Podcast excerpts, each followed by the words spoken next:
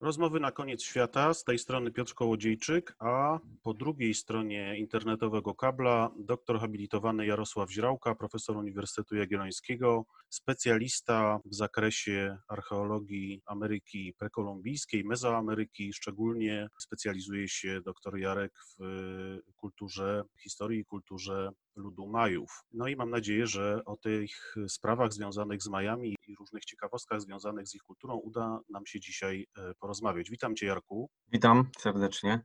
Jak wiesz, żyjemy w czasach cyfrowych, w czasach internetowych, no i są takie różne źródła internetowe, które e, są znane właściwie wszystkim użytkownikom internetu. Niewątpliwie jednym z takich źródeł jest słynna Wikipedia, z której korzysta bardzo wiele osób. No i w tejże Wikipedii znajduje się takie hasło cywilizacja Majów pozwoliłem sobie zerknąć tam, żeby zobaczyć, jak też Wikipedia do cywilizacji Majów się odnosi. No i jest tam taka informacja, że była to rozwinięta cywilizacja rolnicza i miejska, będąca na poziomie epoki kamienia, funkcjonująca w czasach prekolumbijskich na obszarach Mezoameryki, zbudowana przez ludy z grupy językowej Majów. Czy ta definicja jest prawdziwa? Bo my mówimy o kulturze Majów, o Majach ogólnie, ale przecież to jest chyba bardzo szerokie, bardzo rozbudowane pojęcie, a kultura Majów to termin no właściwie zawierający bardzo wiele różnych elementów, prawda? No tak, jest to e, trochę nazwa umowna. Dzisiaj mm, praktycznie jesteśmy niemal pewni tego, że w czasach prekolumbijskich Majowie mm, nie stanowili po pierwsze jednej jakiejś spójnej całości mm, pod względem no, na przykład politycznym, też w jakimś sensie językowym, chociaż mówi się, że Majowie e, zaliczani są do, do jednej, czy przynajmniej dzisiejsze, a wiemy, że to też jest jakby odbiciem e, czasów przeszłych. Te różne grupy językowe, tych języków było ponad 30 należą do jednej wielkiej rodziny języków majańskich. To różnice pomiędzy poszczególnymi grupami językowymi były bardzo duże i mm, często ludzie mieli, tak jest zresztą do dzisiaj, problemy z tym, żeby się komunikować. Często dzisiaj poszczególni przedstawiciele tych różnych grup językowych używają jako języka do komunikacji języka hiszpańskiego. Tu jako przykład mm, można podać mieszkańca czy Indianina z grupy Majów Ishil, chociażby język Ishil należy do grupy języków e, Mam, to jest jedna z takich ważniejszych grup majańskich. E, Ishil, czy Indianin z grupy Ishil będzie E, wyjedzie ze swojej wioski, spotka niedaleko e, e, sąsiada z grupy Majów Kicze. Język Kicze należy już do innej grupy językowej i te różnice między tymi dwiema grupami są tak duże, że oni się ze sobą, żeby porozumieć, to będą używali języka hiszpańskiego, prawda? To można porównać trochę do y, słowiańskich języków? W sensie y, tak, tak, to znaczy, i różnic? Myślę, że, że, że, jak najbardziej tak. E, natomiast pomiędzy pewnymi odległymi e, językami Majów e, te różnice są, znaczy jest masa słów, które są wspólne, ale są, są też, jest też dużo słów takich, które powiedzmy od siebie się zdecydowanie różnią. Także można przypuszczać, że w czasach prekolumbijskich też było, znaczy wiemy to, że takim tak zwanym językiem urzędowym, językiem elit był jeden albo kilka języków należących do, do, do grupy języków wschodnio-czolańskich. Uważamy, że głównym językiem inskrypcji Majów, inskrypcji, które powstały w okresie klasycznym, albo innymi słowy językiem dworskim elit Majów był język Cholti, e, należący do tej wspomnianej przeze mnie e, rodziny czy grupy języków e, czolańskich. I to tymi językami czolańskimi posługiwały się właśnie, posługiwali się skrybowie. W tych językach zapisywane były, zapisywana była większa część inskrypcji majańskich, więc to tutaj sprawa była pewnie ułatwiona w tym sensie, że jeden z języków czolańskich był takim językiem urzędowym wśród, wśród elit. No ale raczej raczej na pewno, to widać też po przybyciu Hiszpanów na teren Ameryki Środkowej, że kiedy Hiszpanie pojawili się chociażby na terenie tego, co dzisiaj nazywamy Gwatemalą, Zresztą ta nazwa Gwatemala pochodzi nawet, co, co, ciekawe, nie z języka Majów, tylko pochodzi z języka Nahuatl, który był używany przez tak zwanych Azteków z centralnego Meksyku. E, dlaczego, dlaczego ten rejon zamieszkiwany przez Majów jest, jest określany E, e, z języka kompletnie innego, nie, nieużywanego tutaj powszechnie w czasach prekolumbijskich, dlatego że Hiszpanie przybywają na teren Gwatemali ze swoimi, ze wsparciem indiańskim w postaci przede wszystkim wojowników e, tlaszkalańskich, tak zwanych Indian Tlaszkalan, którzy się posługiwali językiem Nahuatl i oni nazwali ten rejon, kiedy tu wkroczyli, jako Guatemala, co oznacza teren porośnięty drzewami. Miejsce z wieloma drzewami i tak, tak to do dzisiaj zostało, więc... I ta różnorodność językowa i problemy z tym związane są rzeczywiście znaczące. Tak, ale, ale tu do czego zmierzam, że kiedy przybywają tutaj Hiszpanie, to się okazuje, że, że ta południowa Gwatemala dzisiejsza południowa Gwatemala to jest obszar, gdzie istnieje szereg królestw majańskich, które ze sobą wzajemnie rywalizują. I wiemy, że taki stan rzeczy jak najbardziej możemy odnieść tak samo do czasów wcześniejszych, bo tu mówimy o, o trzeciej dekadzie XVI wieku naszej ery, to jest ten, ten moment, kiedy zaczyna się podbój tej dzisiejszej Gwatemali, tych podbój tych królestw Majów, a wiemy, że w czasach wcześniejszych, szczególnie w tak zwanym okresie klasycznym między tam trzecim a X wiekiem naszej ery datowanym, też e, Majowie nie stworzyli nigdy państwa e, mm, jednego zarządzanego centralnie, tylko to było też raczej system rywalizujących ze sobą takich miast, państw, królestw, wśród których tam były szczególnie dwa królestwa dominujące. To, co troszeczkę spaja w taką całość, e, myślę... No właśnie, właśnie o to miałem pytać, jak, jakie byś hmm? wymienił te cechy wspólne dla tych wszystkich grup? No tak, no to co mm, spaja, znaczy mm, poza językiem, ale, ale gdyby językiem na tej, na tej płaszczyźnie takiej lingwistycznej, prawda, no to jest mm, przede wszystkim podobna dosyć sztuka. Można zobaczyć, że w wielu ośrodkach Majów natrafimy na, na bardzo podobne przykłady sztuki i czy to mamy tutaj do, do czynienia z tymi obszarami właśnie dzisiejszej południowej Gwatemali, czy też jak wędrujemy dalej na północ, przemieścimy się bardziej na północ w rejon północnej części Półwyspu Yucatan, dosyć podobna religia, wierzenia, więc to, to są te elementy, które nadają tej kulturze jakąś względną, spójną całość. Natomiast e, z całą pewnością Majowie nigdy nie, nie uważali siebie raczej jako mm, takiej jednolitej jednostki, jednolitej grupy, jednolitej kultury, tak jak my dzisiaj ich definiujemy. Tak Czyli raczej, raczej e, e, mówiąc o sobie, odnosili się do tego pochodzenia z konkretnego królestwa, z konkretnego miejsca, a nie do tak, tak. związków jakby z całą społecznością, Dokładnie którą tak. my nazywamy dzisiaj Miami. A jak to, jak to jest z tą epoką kamienia? Z, znaczy mam na myśli tą de, de, definicję z, z Wikipedii, która mówi, że oni byli na, na poziomie epoki kamienia.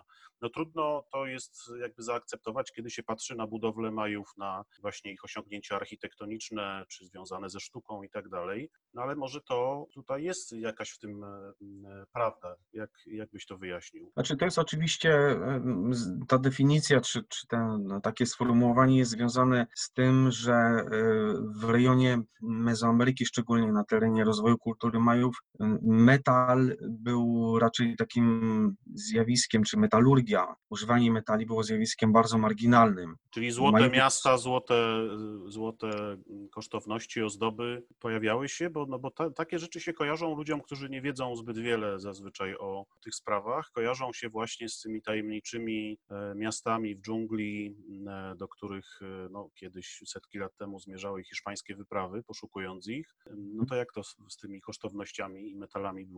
To znaczy tak, tu sprawa wygląda w ten sposób, że oczywiście e, taką wielką sławą w zakresie metalurgii, występowania złota cieszyły się te, te ostatnie państwa czy imperia, które mm, e, zetknęły się z białym człowiekiem, z, akurat w tym przypadku z, z najeźdźcami hiszpańskimi. Mamy tu na myśli Azteków. Wiemy, że no, u Azteków ta, ta metalurgia była nieco bardziej rozwinięta, czy generalnie w ogóle ten okres tuż przed przybyciem Hiszpanów troszeczkę charakteryzuje się bardziej rozwiniętą metalurgią w Mezoameryce, a, a, a już odmienna sytuacja jest w Ameryce Południowej, w rejonie tak zwanego środkowoandyjskiego obszaru kulturowego. Metalurgia od dawien dawna stała na wysokim poziomie. Te, takie kultury, takie społeczności jak kultura chociażby Mocze, e, kultura Chimu, e, Wali, czy, czy, czy wcześniej, czy troszeczkę później kultura Inków, no to były te społeczności, które faktycznie wytwarzały całą masę różnych przedmiotów e, ze złota,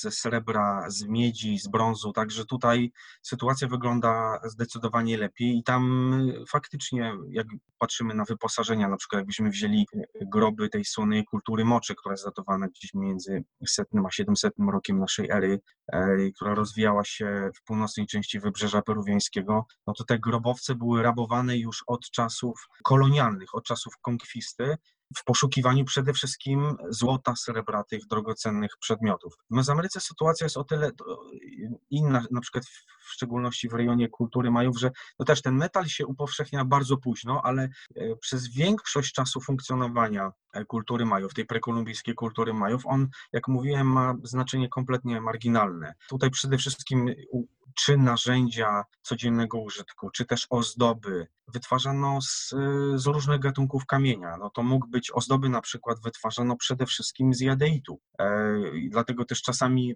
w niektórych kręgach mówi się, że jadeit jest takim swoistym złotem Majów. Natomiast no, dla nas jest to oczywiście taki minerał półszlachetny raczej. My go współcześnie jakoś wysoko raczej nie, nie cenimy. Nie osiąga on zawrotnych jakichś tam cen. Tak, no my jesteśmy właśnie miłośnikami złota raczej i tego typu, tak.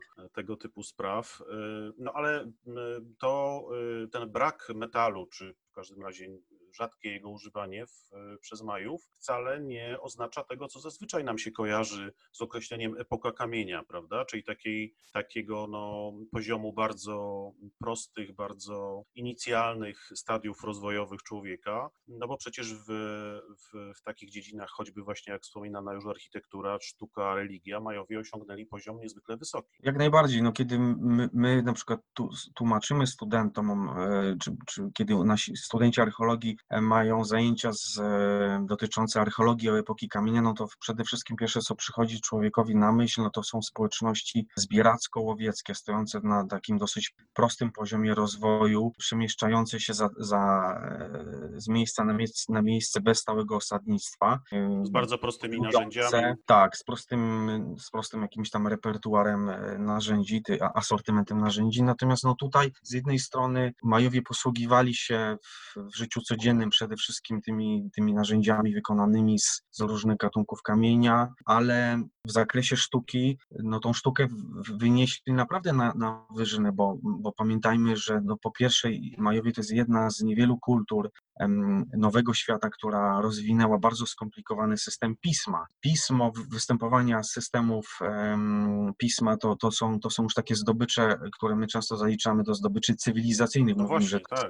cywilizacje, wielkie cywilizacje miały pismo, ponieważ pismo było najczęściej używane już przez, e, przez elity, także w pewnym sensie mamy tutaj też takie... Administrację rozrastającą tak, się. Rozrastającą się administrację, dokładnie, żeby no, notować jakieś ważne wydarzenia związane z historią, ale też z tą właśnie to, to co powiedziałeś, te kwestie administracyjne. Podatkowe. Podatkowe i tak dalej, prawda? E, mamy inne przepiękne wytwory sztuki, malowidła ścienne. Wiemy, że, że Majowie tworzyli, zresztą podobnie jak inne kultury tego obszaru, księgi, które są umane kodeksami, inne wytwory, na przykład inne wytwory sztuki, tu zwłaszcza jeśli chodzi o kulturę Majów, to mam na myśli pięknie malowaną ceramikę. No ta ceramika to jest coś nieprawdopodobnego, jak niestety w większości przypadków dzisiaj te przepiękne naczynia Majów, które były z zewnątrz malowane scenami o charakterze dworskim, o charakterze też religijnym, które są malowane tekstami hieroglificznymi, tam są wypisane całe też teksty hieroglificzne. One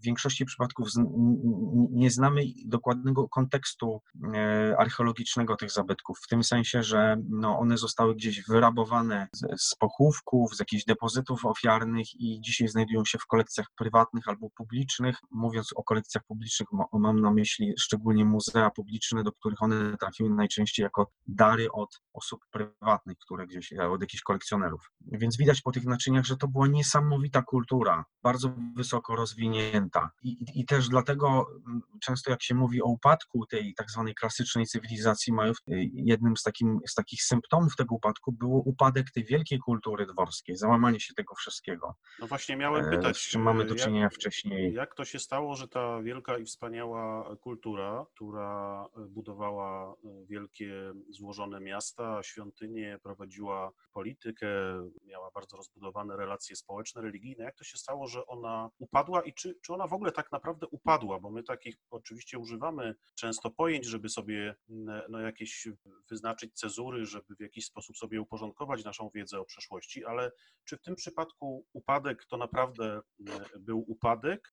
No i jakie są najpopularniejsze teorie funkcjonujące w nauce, które próbują wyjaśnić to zjawisko? Tu trzeba parę rzeczy wyjaśnić. Otóż z reguły oczywiście jak mówimy o upadku cywilizacji Majów, no to pierwszą rzecz, jaką mamy na myśli, to jest tak zwany wielki upadek tej, tak, tej klasycznej cywilizacji Majów, który z grubsza rzecz biorąc przypada na okres od końca, to też zależy od regionu i od miasta, ale od końca VIII poprzez cały IX wiek naszej ery. Są też takie ośrodki, które na przykład na północy Ukatanu upadają, upadają nieco później. Ale to, i to jest ten ten upadek cywilizacji klasycznej. Natomiast wiemy dzisiaj na podstawie badań archeologicznych przede wszystkim, tutaj niewiele nam mogą na ten temat powiedzieć e, teksty hieroglificzne jakieś, czy, czy też te umownie e, nazywając je źródła epigraficzne, że pierwszy upadek przeżywała ta cywilizacja pod koniec tak zwanego okresu preklasycznego. Ten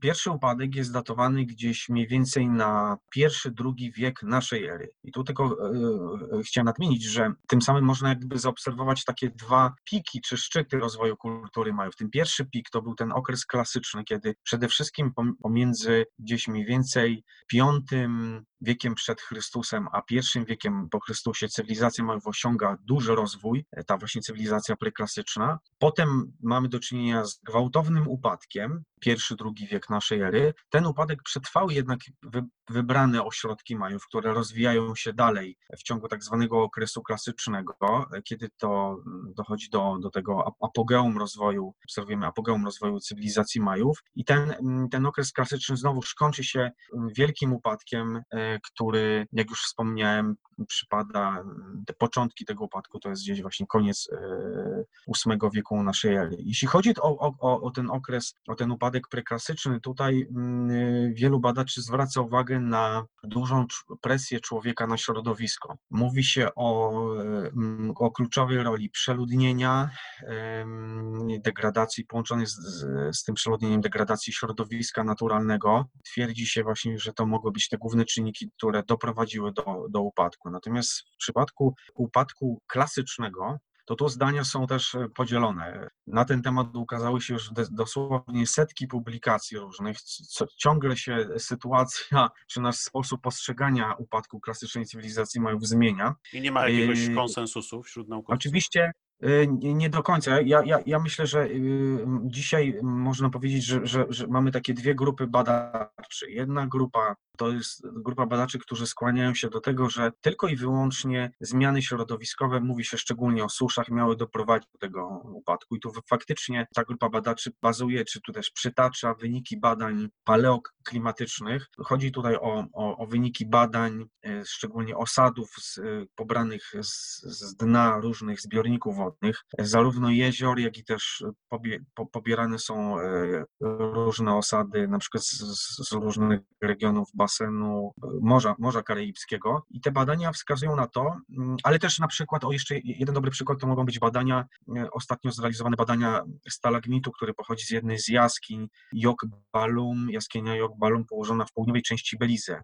I, I te wszystkie wyniki wskazują na to, że faktycznie pod koniec okresu klasycznego mamy do czynienia z suszą. Mniej więcej e, te wyniki, e, e, czy ci badacze zgadzają się co do tego, że ta susza osiąga taki swój szczyt w, w okresie gdzieś pomiędzy 800 a 1000 rokiem naszej ery. Natomiast no, problem polega na tym, że ostatnio, i to, i to tutaj mówię o drugiej grupie badaczy, którzy głównie bazują na danych e, archeologicznych oraz epigraficznych. Co, co, co mam na myśli mówiąc dane epigraficzne, to są właśnie te teksty pozostawione przez samych Majów. Badacze zwracają uwagę na to, że mm, tak naprawdę decydujący wpływ na upadek cywilizacji Majów mogła mieć intensyfikacja wojen, którą obserwujemy już w wybranych regionach pod koniec VIII e, wieku naszej ery. Wręcz teraz i to jest taki głos, który ja miałem okazję, przyjemność uczestniczenia w takiej konferencji, która odbyła się niedawno w, w Kyoto w Japonii i tam ona była w całości poświęcona upadkowi klasycznej cywilizacji Majów i, i, i też temu momentowi przejścia, bo to trzeba zaznaczyć, że całkowicie pod koniec tego okresu klasycznego nie upadają wszystkie miasta Majów. To, jest, to nie jest tak, że jest to całkowita apokalipsa, że, że wszystkie ośrodki majańskie ciągnące się nie wiem, od wybrzeży północnego Yucatanu po, po wybrzeże Pacyfiku na południu Gwatemali upadają czy na południu Meksyku upadają,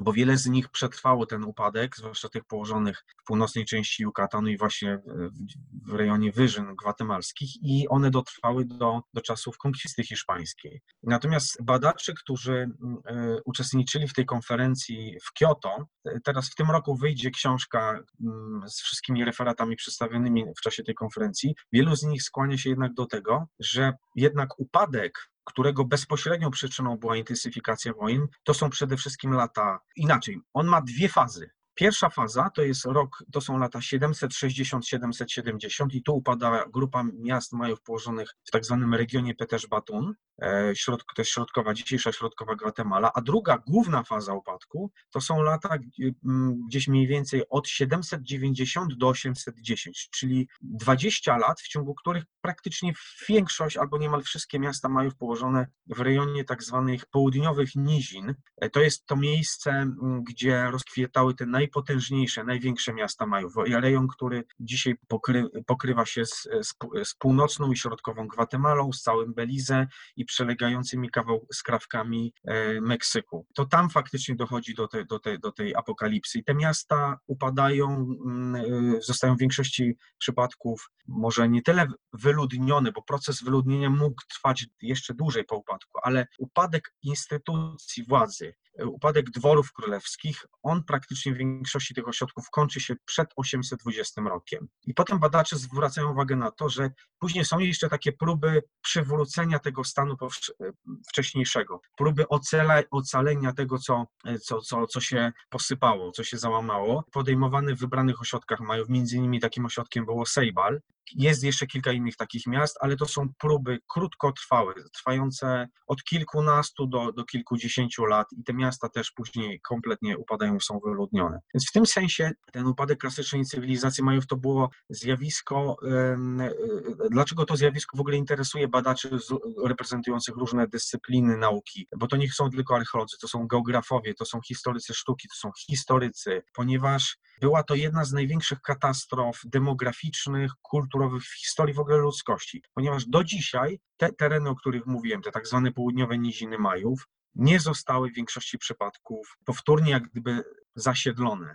Jak jedziemy do północnej Gwatemali, tam gdzie cała masa archeologów prowadzi prace wykopaliskowe, no to jest, to jest obszar dżungli, która porasta do tej pory te, te, te miasta, e, które upadły mm, pomiędzy końcem VIII a początkami IX wieku naszej ery, prawda? A jaka Czyli... była ta populacja Majów? Jaka to była mniej więcej liczba ludności? Czy to się jakoś da oszacować? Tutaj też dane są różne. Ostatnie badania lidarowe wskazują na to, czyli badania z zastosowaniem tej, tej nowoczesnej technologii skanowania powierzchni Ziemi, która, no, przypomnijmy, w kontekście akurat kultury Majów jest o tyle istotna, że mamy tutaj do czynienia z występowaniem lasów deszczowych, które porastają całą masę tych opuszczonych kiedyś miast Majów, więc gdybyśmy stosowali te tradycyjne metody eksploracji, dokumentacji, no to musielibyśmy stracić dziesiątki lat, żeby przez tą dżunglę się tam przebijać w dotarciu do, do, do, do jakichś różnych sektorów miast Majów i, celem zadokumentowania śladów osadnictwa. Ten lidar pozwala nam, nam e, tą powierzchnię e, stosunkowo dobrze zeskanować, usunąć tą, prawda, tą chmurę punktów odpowiedzialną za drzewa i, i mieć tylko jakby mapę samej powierzchni oraz tych struktur, tych budowli wzniesionych przez Majów, które na powierzchni istnieją. Więc na podstawie tych, tych obliczeń, ilości struktur, bo to tak naprawdę wygląda w ten sposób, to też jest metoda bardzo obar obarczona dużym błędem prawdopodobieństwa, bo ona polega na tym, że liczy się ilość struktur majańskich i potem się jakiś tam procent z nich odsuwa, odrzuca, e, ponieważ zakłada się, że nie wszystkie z nich mogły być zasiedlone pod koniec okresu klasycznego, e, szczególnie w VIII wieku, który stanowi taki, taki szczyt demograficzny Majów i, i, i przemierza się tak średnio, że na strukturę, bazując tutaj na danych etnograficznych, że w strukturze jednej mogło mieszkać tam 4 do 5 osób, starając się uzyskać jakieś dane, e, przybliżone dane szacunkowe. No tutaj dla tych południowych nizin Majów, dlatego właśnie serca kultury Majów tutaj są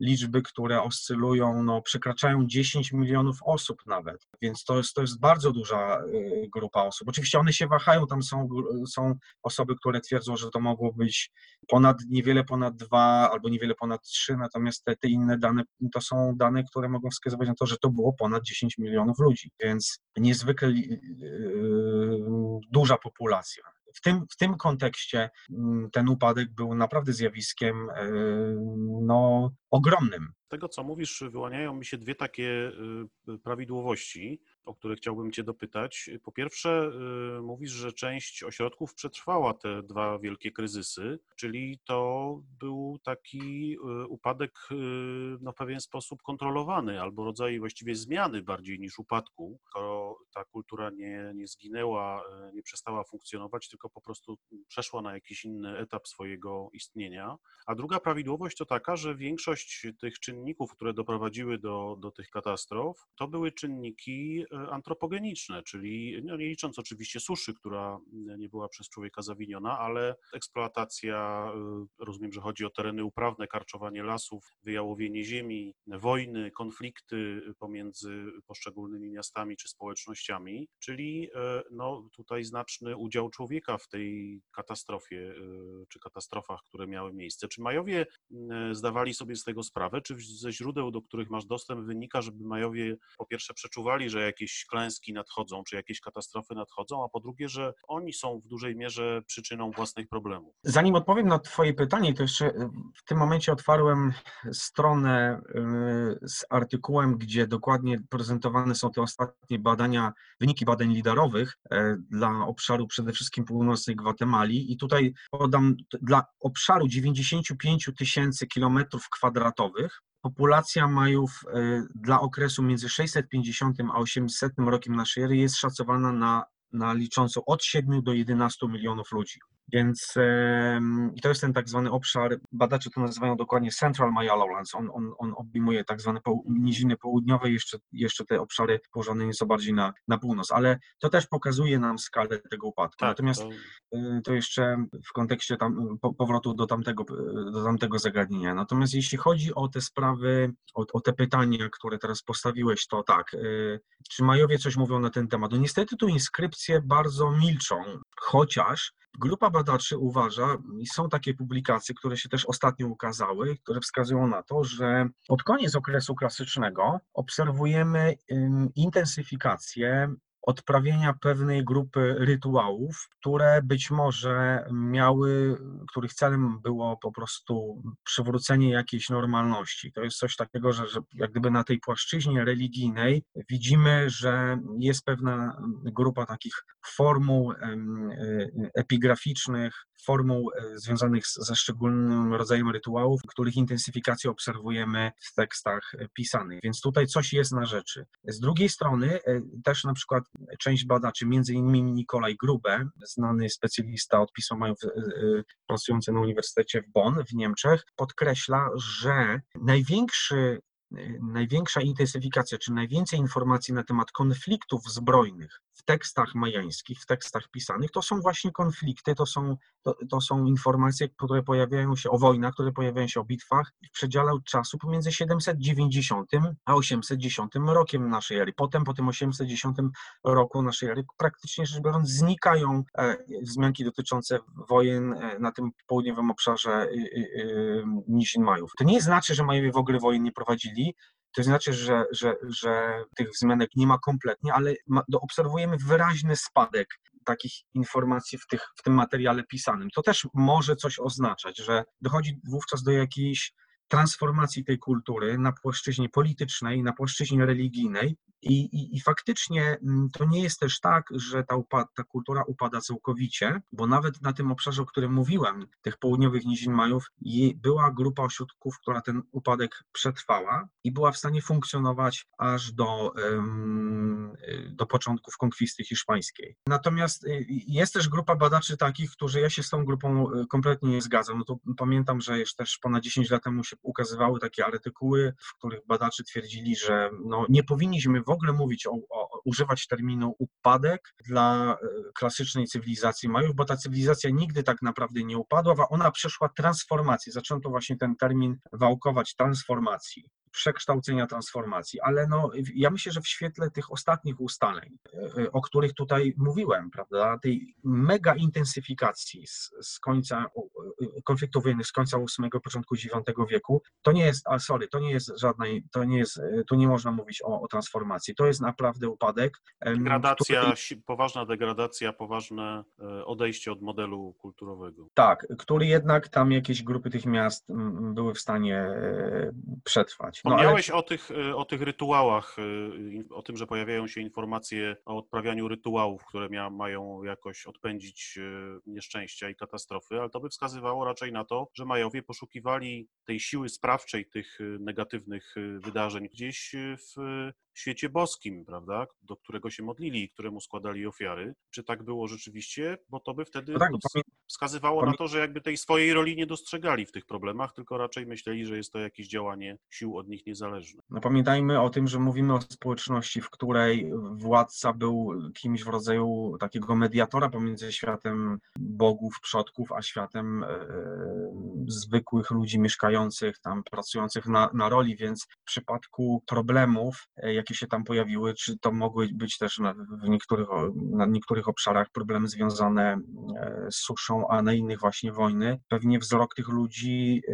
koncentrował się na elitach. To one były odpowiedzialne za to, żeby jakoś, czy powinny były być odpowiedzialne e, za to, żeby mm, zaradzić sobie w tych trudnych czasach, czasach konfliktu. I ten upadek tego autorytetu no, mógł poniekąd być też spowodowany tym, że elity nie były sobie w stanie poradzić. Na to się na, nałożył jeszcze jeden czynnik. Pamiętam, jak już wspomniałem, że mamy do czynienia ze społecznościami, które nie były zarządzane centralnie. Gdyby tam, wyobraźmy sobie taką sytuację, że większa część Półwyspu Yucatan to jest miejsce, gdzie, gdzie mam mm, do czynienia z występowaniem jednego państwa zarządzanego centralnie E, i myślę, że w przypadku e, jakiegoś kryzysu, e, na, czy to na płaszczyźnie właśnie takiej klimatycznej, czy innej, może łatwiej byłoby z tym walczyć, bo mamy jednego władcę, mamy jeden dwór, który stara się jakoś zaradzić, a tutaj po prostu każdy sobie rzepkę skrobie. No, starożytny Myślę, że- Egipt miał taki model scentralizowanego państwa, silnej administracji zarządzanej odgórnie z faraonem na szczycie, a też przeżywał takie momenty upadku. Nawet pomimo właśnie takiego systemu, przecież e, kiedy przychodziły katastrofy naturalne, w przypadku Egiptu też albo susze, albo, albo nadmierne wylewy, też nie, nie byli sobie w stanie z tym poradzić. Ale być może w Gwatemali rzeczywiście ten system, gdyby zadziałał w tym momencie,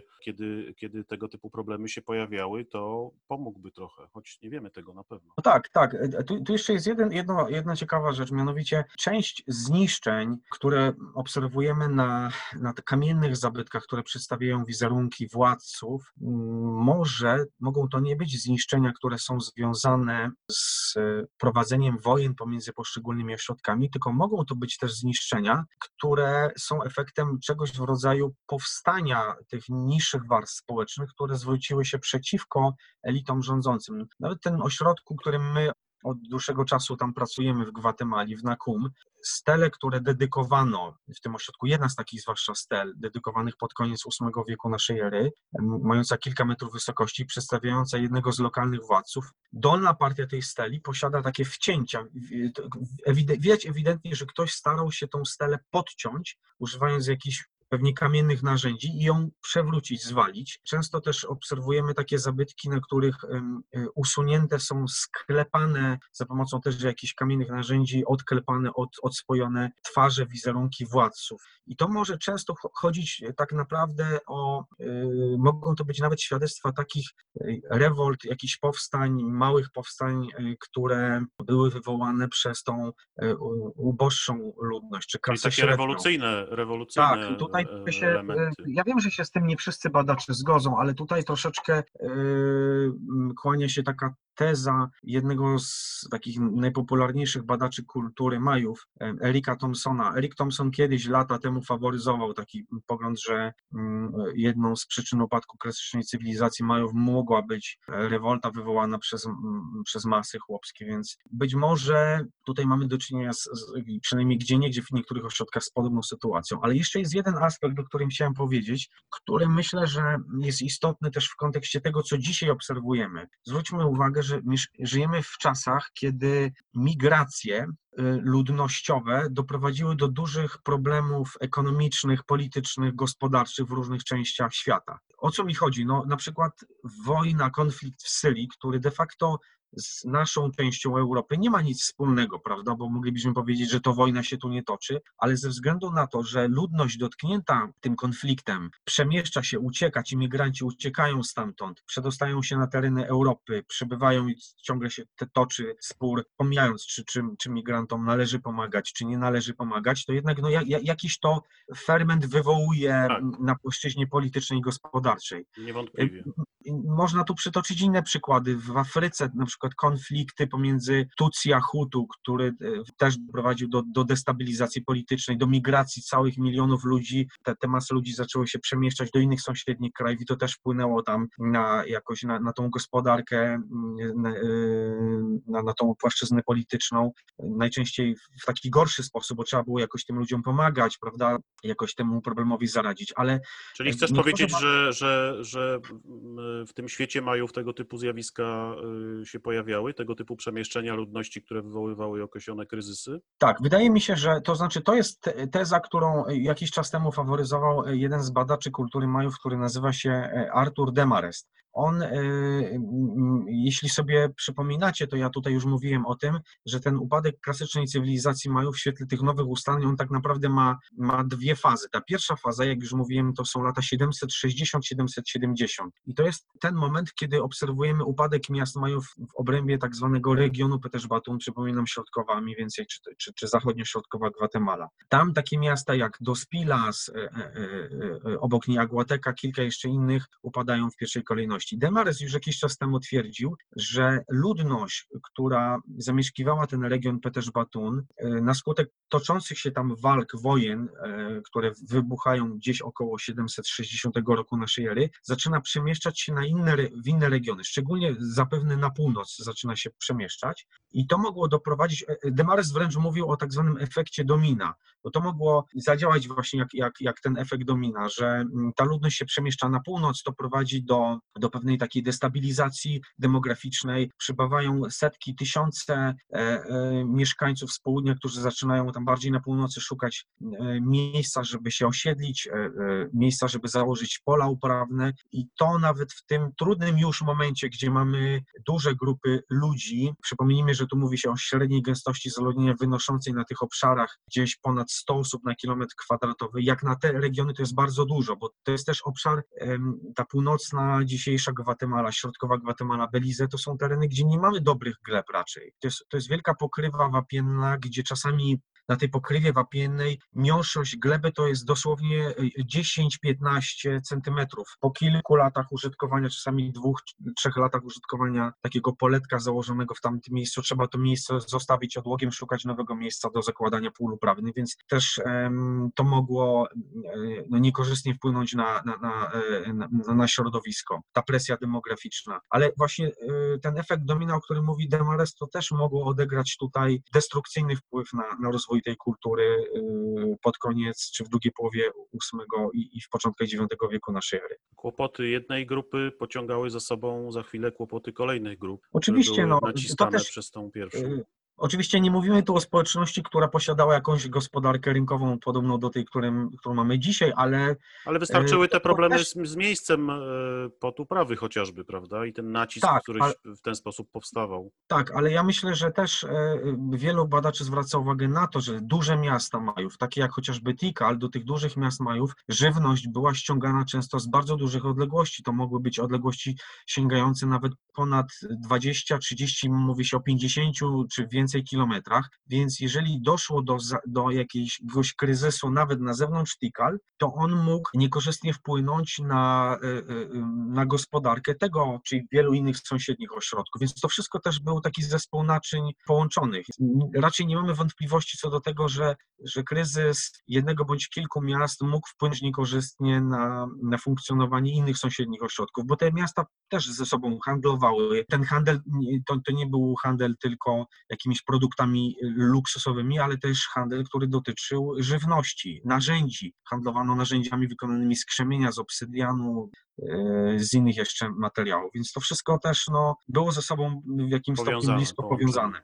No ale pomimo tego wszystkiego, tak? kryzys, który no, wpływa oczywiście innego kalibru, ale on też niekorzystnie wpływa na ten, ten kryzys chociażby gospodarczy wywołany przez epidemię koronawirusa, wpływa niekorzystnie na wszystkie inne kraje. No tak, zwłaszcza, że te związki poszczególnych krajów ze sobą dzisiaj są bardzo silne tak. E, i, i wszyscy się do nich przyzwyczailiśmy, a nagle okazuje się, że trzeba je było na jakiś czas pozrywać i, z tego biorą się kolejne problemy. No zwróćmy uwagę teraz, co, co e, na, na tą politykę, jaką prowadzi rząd, że e, zachęca Polaków do tego, żeby głównie idąc do sklepu kupowali produkty polskie, prawda, żeby gospodarka polska jak najmniej ucierpiała, więc to też jest wymowne w tym, w tym kontekście. Ale pomimo tych wszystkich negatywnych zjawisk, o których mówiłeś, Majowie przetrwali, e, no i e, funkcjonowali, funkcjonują do dzisiaj. Kolejnym takim ważnym, chyba tak mi się wydaje, etapem w funkcjonowaniu tej społeczności był ich kontakt z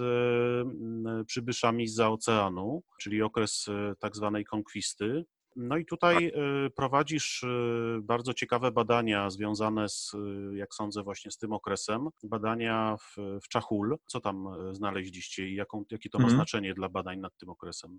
Tak, no Czachul to jest jedno z takich współczesnych miasteczek majańskich, miasteczek zamieszkiwanych przez ludność indiańską z grupy Majów, położonych już tu bardziej w południowo-zachodniej części Gwatemali, w rejonie Wyżyn Gór. Czachul leży w tym regionie właśnie wyżynnym Gwatemali, gdzie ca cała masa ośrodków e, prekolumbijskich przetrwała od okresu klasycznego do, do tego mm, czasu przybycia białego człowieka, do czasu konkwisty. Do dzisiaj e, można powiedzieć, że ten, ten obszar południowej, czy częściowo też środkowej Gwatemali to jest e, rejon, gdzie mamy do czynienia z występowaniem no, jednej z największych z największej ilości tych rdzennych populacji indyjskich na terenie całej Ameryki Łacińskiej. Więc to też e, to nie jest tak, że czasami się mówi, że kultura Majów upadła. Nie, nie upadła, no, do, do dzisiaj przetrwała. Ludność posługująca się wieloma językami e, zaliczonymi do tej rodziny języków majańskich, przetrwały tradycje różne, które zaliczamy do tych tradycji majańskich. Czachul jest tego najlepszym przykładem. To jest miasteczko, w którym mieszka już tu przywoływana przeze mnie grupa Majów Ishil,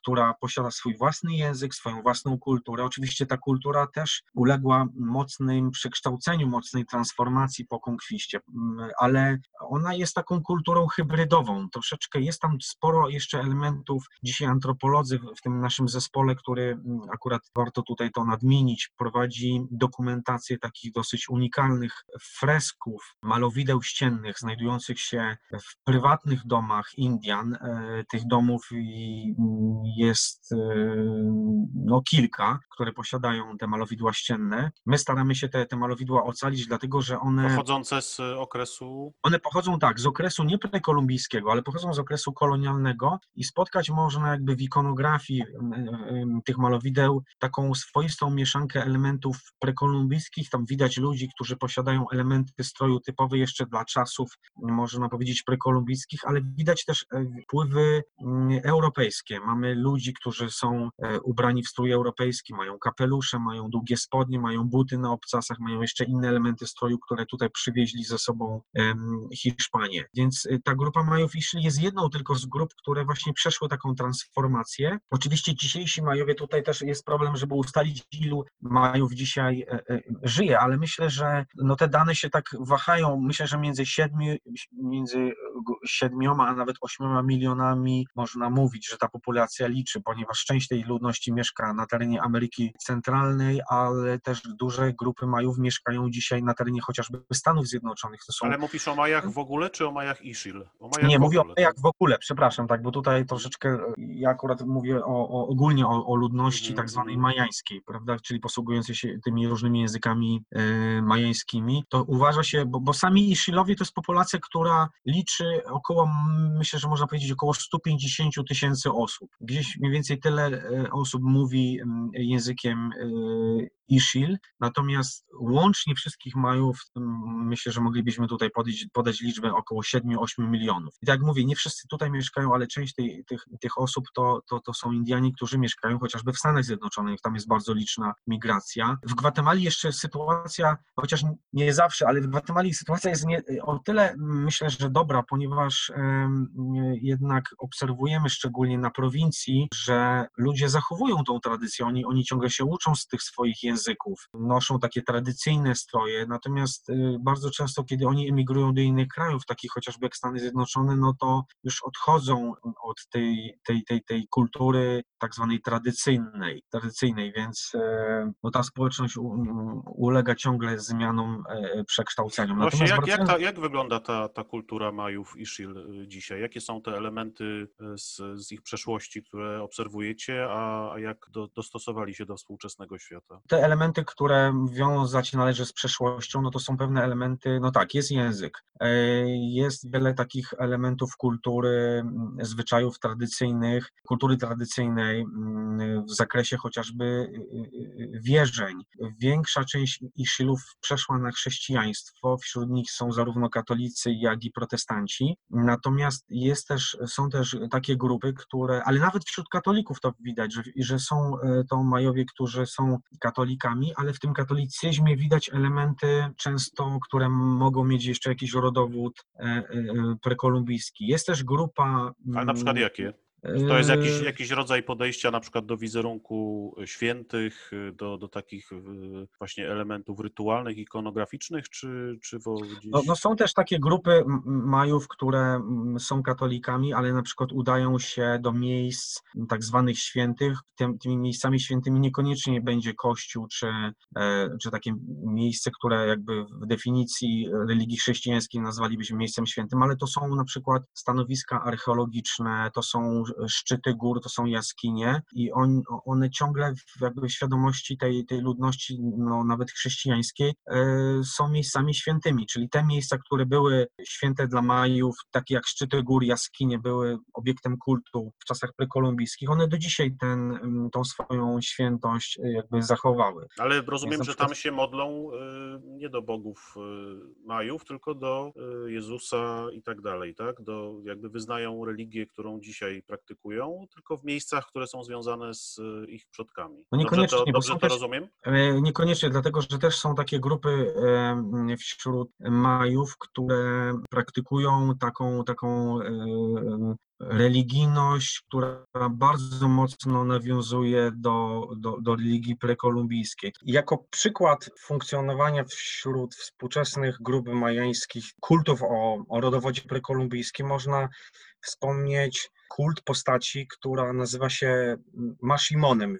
W jedny, przez jednych majów nazywana jest Mashimonem, przez inne grupy San Simonem, San Judasem albo innymi słowy Judaszem. Jeszcze w innych grupach ta postać nazywana jest jako Rilachmam. Jego kult akurat nie jest znany wśród majów Ishil, o których tutaj przede wszystkim rozmawialiśmy, natomiast no, y, y, jest on obecny wśród wielu innych grup majańskich mieszkających na terenie Gwatemali szczególnie, ale też Meksyku. I ten, ten Mashimon y, jest czczony jako najczęściej drewniana figura, siedząca na, na czymś w rodzaju krzesła albo tronu, trzymająca w, w ręce laskę, mająca na głowie kapelusz, bardzo często też dodatkowo okulary przyciemniane. No, generalnie wygląda ona jak, można powiedzieć, postać z westernów. Czczona jest najczęściej przez takie organizacje, które można nazwać organizacjami społeczno-religijnymi. One nazywają się cofradías. To są e, jednostki, które moglibyśmy nazwać takimi bractwami religijnymi. One były założone jeszcze przez Hiszpanów po konkwiście, po podboju, po to, aby pomagać w celebracji tych kultów, kultów katolickich. I w tych cofradías właśnie, wielu cofradías, jakie można spotkać na terenie Ameryki Centralnej, znajdziemy kult tego Mashimona. I najprawdopodobniej Mashimon, któremu, e, co warto tutaj podkreślić, jego karmi się, jego traktuje się jako taką, jako istotę żywą. E, można spotkać filmy, nagrania albo po prostu pójść, e, odwiedzić wiele z tych, tych, tych społeczności Kofrydyja, zobaczyć jak oni tego, tego Mashimona czy San Simona czczą. Sadzają mu na przykład do ust cygaro, podpalają to cygaro, symbolicznie karmią go albo wlewają mu, poją go bimbrem jako, albo jakąś inną, e, jakimś innym rodzajem alkoholu. Jest on często też przemieszczany z jednego takiego bractwa religijnego, tej kofredii, do drugiego i e, z całą pewnością ten Mashimon, mm, jak już wspomniałem, ma, e, można powiedzieć, ma metrykę prekolumbijską. Otóż w wierzeniach prekolumbijskich okresu e, klasycznego można spotkać bóstwo, e, majańskie bóstwo, które umownie nazywane jest jako Bóg El, El od litery alfabetu. Do dzisiaj e, z taką stuprocentową pewnością nie jesteśmy w stanie odczytać imienia tego bóstwa i ten Bóg El jest jednym z ważniejszych bóstw świata podziemnego. On właśnie jest przedstawiany najczęściej jako mężczyzna, który ma na głowie kapelusz i jest wyobrażany z laską, bardzo często często w ustach ma, ma cygaro, no po prostu posiada niemal cały ten repertuar cech, który dzisiaj obserwujemy u tego Mashimona czy e, San Simona. I to mm, no niemal z całą pewnością jest to jeden z takich elementów, które spotkać możemy wśród religijności współczesnych Majów, a który ma rodowód, mm, bezsprzecznie rodowód e, prekolumbijski. W naszym zespole mm, jest nasza koleżanka Monika Bonech, która jest antropologiem kulturowym. Ona zajmuje się w czasie prac swoich antropologicznych, e, między innymi badanie miejsc świętych i, i, i te jej badania pokazują, że wśród Iszylów tymi miejscami świętymi, poza tymi takimi miejscami, jak, jak już tu mówiłem, e, jakim takim miejscem może być kapliczka, może być kościół, może być cmentarz, są też te miejsca, które były święte w czasach prekolumbijskich, ale jej badania wskazują też na to, że mamy tam do czynienia z występowaniem całej e, grupy takich postaci, których nazwalibyśmy, używając takiego trochę współczesnego języka, szamanami, i oni często e, odprawiają właśnie rytuały w różnych miejscach i no bardzo mocno odnoszą się do tej, do tej religijności, przywołują tutaj jakieś takie siły przyrody często. I wypełniają mm, pewną... Odnoszą się do duchów przodków. Mhm. E, do duchów wypełniają pewną lukę, można powiedzieć, pomiędzy starymi czasami a, a nowymi czasami. Tak i tutaj to, to jest też, e, to są takie elementy, które mają znamiona takiej religii trochę animistycznej, czyli takiej, która zakłada że, że to wszystko jest ożywione, prawda? To, co, co człowieka otacza, to są byty żywe, te góry to są byty żywe, jaskinie to są byty żywe. I, i, i ciągle to też w takich kategoriach się y, odbywa. No, inaczej to wygląda u, prote, u ludności protestanckiej. Protestanci bardzo mocno w tym i innych regionach e, Gwatemali odcinają się od tej przeszłości, y, od tej religii tradycyjnej, y, uważając, że to jest coś złego, że z tym nie należy mieć żadnego związku. W katolicyzmie te elementy są, one się zazębiają, jakby są takie trzy, trzy sfery jednak, myślę, że można powiedzieć, mam nadzieję, że Monika Banek mnie tu nie, nie skrytykowała mnie za to, co mówię, ale, ale wydaje mi się, że to są takie trzy płaszczyzny, bo inaczej to wszystko, inaczej wygląda ta religijność y, protestantów, inaczej katolików, a jeszcze inaczej tych grup, które e, w większości odnoszą się do tej, do tej y, religii tradycyjnej. Ale w tej religii tradycyjnej, tej religijności tradycyjnej też no, nie jesteśmy w stanie wyciąć tylko i wyłącznie, tam nie ma tylko i wyłącznie e, elementów z czasów prekolumbijskich. Ja, ja byłem kiedyś na takim spotkaniu e, z, takimi grup, z taką grupą e, Majów i Shil, która spotkała się właśnie w miejscu świętym. To była taka duża kaplica. E, oni najpierw omawiali tam jakieś sprawy bardzo ważne dla, dla, dla tej lokalnej społeczności. Chodziło tutaj między innymi o ratowanie stanowisk archeologicznych w miejscowości Nebach, które to jedno z tych stanowisk archeologicznych było narażone na zniszczenia ze względu na aktywność budowlaną i im im zależało, czyli tej, tej, tej grupie Majów, którzy nie są protestantami, nie do końca są katolikami, czyli właśnie są mocno osadzeni w tej, tej religijności tradycyjnej, żeby te stanowiska ocalić, bo to jest, to jest jakby coś związanego z ich przeszłością, ich przodkami i tak dalej. I tam było widać, że głównym obiektem kultu ich był taki ołtarz. Na tym ołtarzu były ustawione między innymi figury świętych katolickich i, i krzyże, ale całe, e, e, cała otoczka tego rytuału była taka, która trochę nawiązywała już może bardziej do czasów prekolumbijskich. Była duża kadzielnica, w tej kadzielnicy był palony, były palone węgielki, oni otwierali piwo, tym piwem polewali te, te ołtarze, jakby ofiarując, ofiarując to piwo też e, przodkom między innymi, następnie sami pili to piwo, nas też częstowali, więc to, to są jakby sceny, które, których nie zobaczymy w kościele katolickim, nie zobaczymy tego w kościele protestanckim, ale można je spotkać właśnie wśród tych grup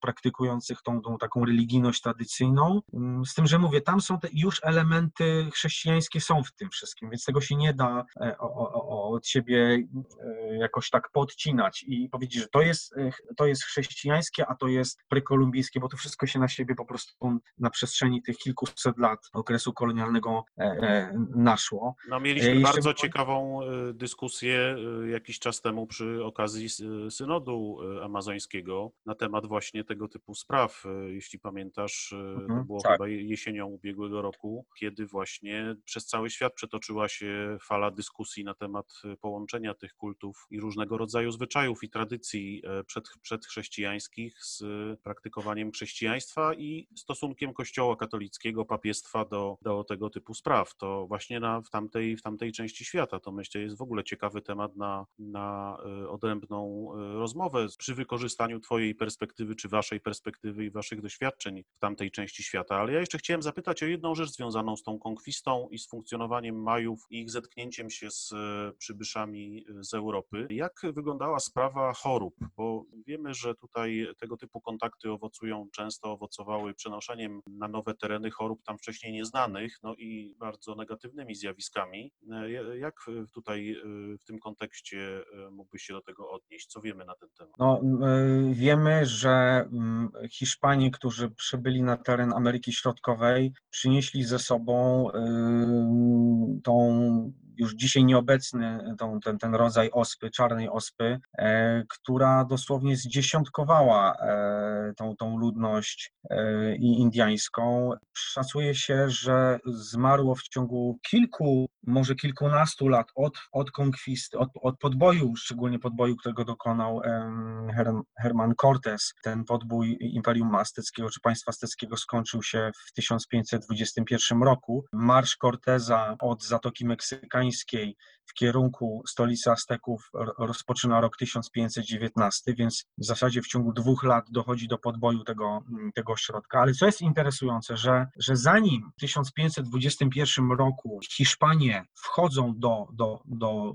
do Tenochtitlan, stolicy Azteków, zasileni y, tą, tym wsparciem, y, którego udzielają im przede wszystkim mm, Indianie zwani Tlaszkalanami, to tam przed nimi dociera, dociera ta choroba ospa, która dziesiątkuje właśnie Indian i wiemy z dokumentów różnych, pisanych i, i z relacji samych, samych i Indian i z relacji Hiszpanów, że kiedy Hiszpanie zdobyli miasto Tenochtitlan, czyli dzisiejsze miasto Meksyk, to kiedy oni weszli do środka, się okazało, że tam już ogromna ilość ludzi umarła na tą chorobę. Jeden z ostatnich władców azteckich również umarł na tą chorobę. Ona się w bardzo szybkim tempie tutaj rozprzestrzeniała, no i ogromne negatywne żniwo tutaj przyniosła. Także myślę, że jeśli, że takie ostrożne dane szacunkowe nawet zakładają, że na skutek tej choroby mogło umrzeć do 80 nawet procent, jeśli nie więcej populacji, niektórzy nawet pociągają tą liczbę do, do 90% populacji tej rdzennej ludności indiańskiej sprzed konkwisty. Także to był, no, to był totalny Armagedon. E, są nawet w kronikach, na przykład kronikarza, który nazywał się, to był franciszkański zakonnik Bernardin, Bernardino de Sahagún, tak zwanym kodeksie florentyńskim, są sceny, które przedstawiają tych Indian, którzy chorowali na, na, na, na, tę, na tą ospę. Widać, że e, no, są ukazani w pozycji leżącej z takimi wielkimi bąblami na ciele, które pokrywały ich ciało. No i tam e, zakonnik pisze, że, że oni są też w separacji, gdzieś tam siedzą zamknięci e, w zakonie, nie, wy, nie wychodzą na zewnątrz. On zresztą też sam zachorował, Bernardino ze Sahagún, ale, ale przeżył. Także ta choroba doprowadziła do, do, do wielkiej katastrofy demograficznej na terenie Mezoameryki, przywleczona przez Europejczyków tutaj z zewnątrz. Gdzie Majowie są dzisiaj? Jak funkcjonują? Jakim są, jaką są społecznością? No Majowie dzisiaj, najwięcej Majów dzisiaj to spotkamy przede wszystkim w Meksyku i w Gwatemali. No i tak jak mówiłem, że to jest społeczność, która, która no przeszła wielką transformację. Z jednej strony używa tych wszystkich wielu zdobyczy kulturalnych, kulturowych, przepraszam. Są ludzie, którzy mają telefony komórkowe, mają telewizory. Oczywiście, no, jeśli trafimy na jakieś wioski zamieszkane przez bardziej ubogą ludność, bo ja tu tego nie mówiłem, ale wśród tych Isilów no, ponad albo około połowy to jest ludność, która jest bardzo biedna. Występuje tam bardzo też wysoki odsetek analfabetyzmu wśród Isilów. To, to też tyczy się innych grup majańskich. Analfabetyzm po, po części wynika z tego, właśnie z tej biedy, że dzieci zamiast iść do szkoły e, i uczyć się, to zostają z rodzicami, e, pomagają Pracują pra, w pracy dokładnie razem z nimi pracują. Bardzo często też można zobaczyć takie obrazki w dużych miastach, chociażby w Gwatemali, też w Meksyku, że idzie, idzie kobieta, która pomiędzy samochodami sprzedaje na przykład banany albo jakieś kwiaty, inne produkty, e, trzyma e, na, na, plecu, na, na plecach w takim tobołeczku ma jedno dziecko, a drugie dziecko idzie z mamą, e, na przykład dwu, trzyletnią, ona trzyma je za rękę i ona idzie razem z nią, albo w dzieci starsze w wieku takim, gdzie wiemy, że powinny chodzić do szkoły, no to one do szkół nie chodzą, tylko pomagają tym rodzicom, więc e, tutaj no myślę, że, że analfabetyzm, bieda, brak dostępu niejednokrotnie do, do, do wody pitnej, do lekarstw,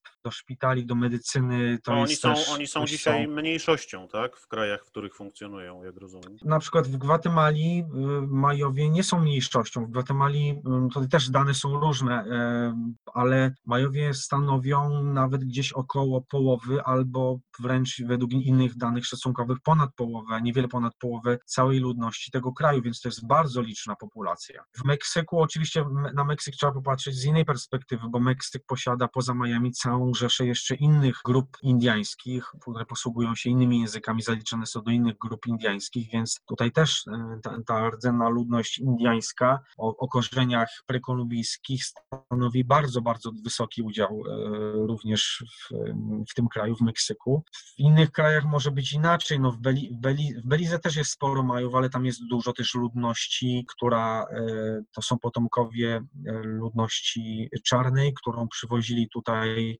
szczególnie Brytyjczycy. Pamiętajmy, że Belize to jest była kolonia brytyjska, która ten kraj kiedyś nazywał się Hondurasem brytyjskim. Brytyjczycy zwozili tutaj do pracy, ciężkiej pracy fizycznej właśnie jako niewolników tą ludność e, czarnoskórą i, i więc ta, ten, ta, pod względem jakby mozaiki takiej językowej i, i związanej z kolorem skóry, takiej etnicznej, Belize jest też bardzo ciekawym miejscem, bo tam mamy właśnie tą ludność indyjską, mamy tą ludność czarnoskórą, mamy też e, ludność, taką populację, którą się nazywa często Garifuna, ona też występuje w Gwatemali, to są e, potomkowie z jednej strony populacji indyjskiej, z drugiej strony tej ludności czarnoskórej. No i też mamy tą ludność białą, prawda, która tam, tam występuje. Myślę, że zawsze warto na koniec takich opowieści bardzo ciekawych starać się pokazać, jakie to ma dla nas wszystkich znaczenie, jakie znaczenie mają badania prowadzone przez archeologów, antropologów kulturowych i cały szereg innych badaczy.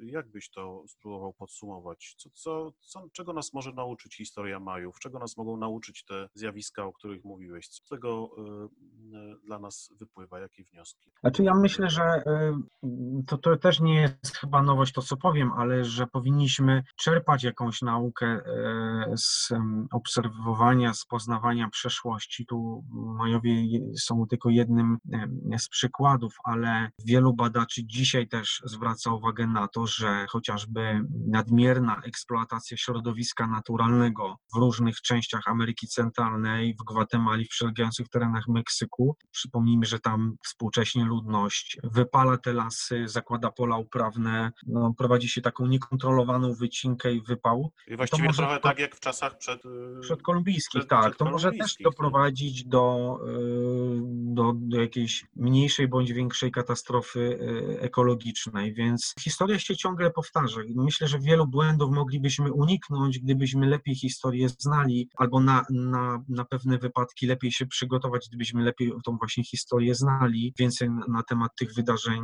e, wiedzieli. Więc w tym, w tym sensie myślę, że to jest bardzo, bardzo taka bogata, mąd- mądra jakby nauka płynie z obserwacji tej, tej, tej, em, tych przeszłych, dawnych populacji, które e, my mm, studiujemy, które my badamy, my archeolodzy, ale nie tylko archeolodzy, jeszcze inni badacze, historycy również, prawda? E, No, no macie rzadką także okazję y, badać także żywą kulturę, Tak. czego nie da się zrobić w przypadku wielu innych, y, no już nie, niefunkcjonujących, nieistniejących społeczności. To też jest chyba coś takiego, co jest no, niepowtarzalnym zjawiskiem i daje wam zupełnie nowe możliwości, prawda? No zdecydowanie pamiętajmy, że e, jedną też z takich jakby gałęzi archeologii, którą my się posiłkujemy, jest etnoarcheologia, polegająca na tym, że my często zjawiska z przeszłości y, jesteśmy w stanie należycie zinterpretować dzięki wiedzy etnograficznej dotyczącej tych współczesnych populacji indyjskich. To wi- widać właśnie wyraźnie, chociażby w Gwatemali, w Meksyku, że y, my coś odkrywamy. My na przykład od, od,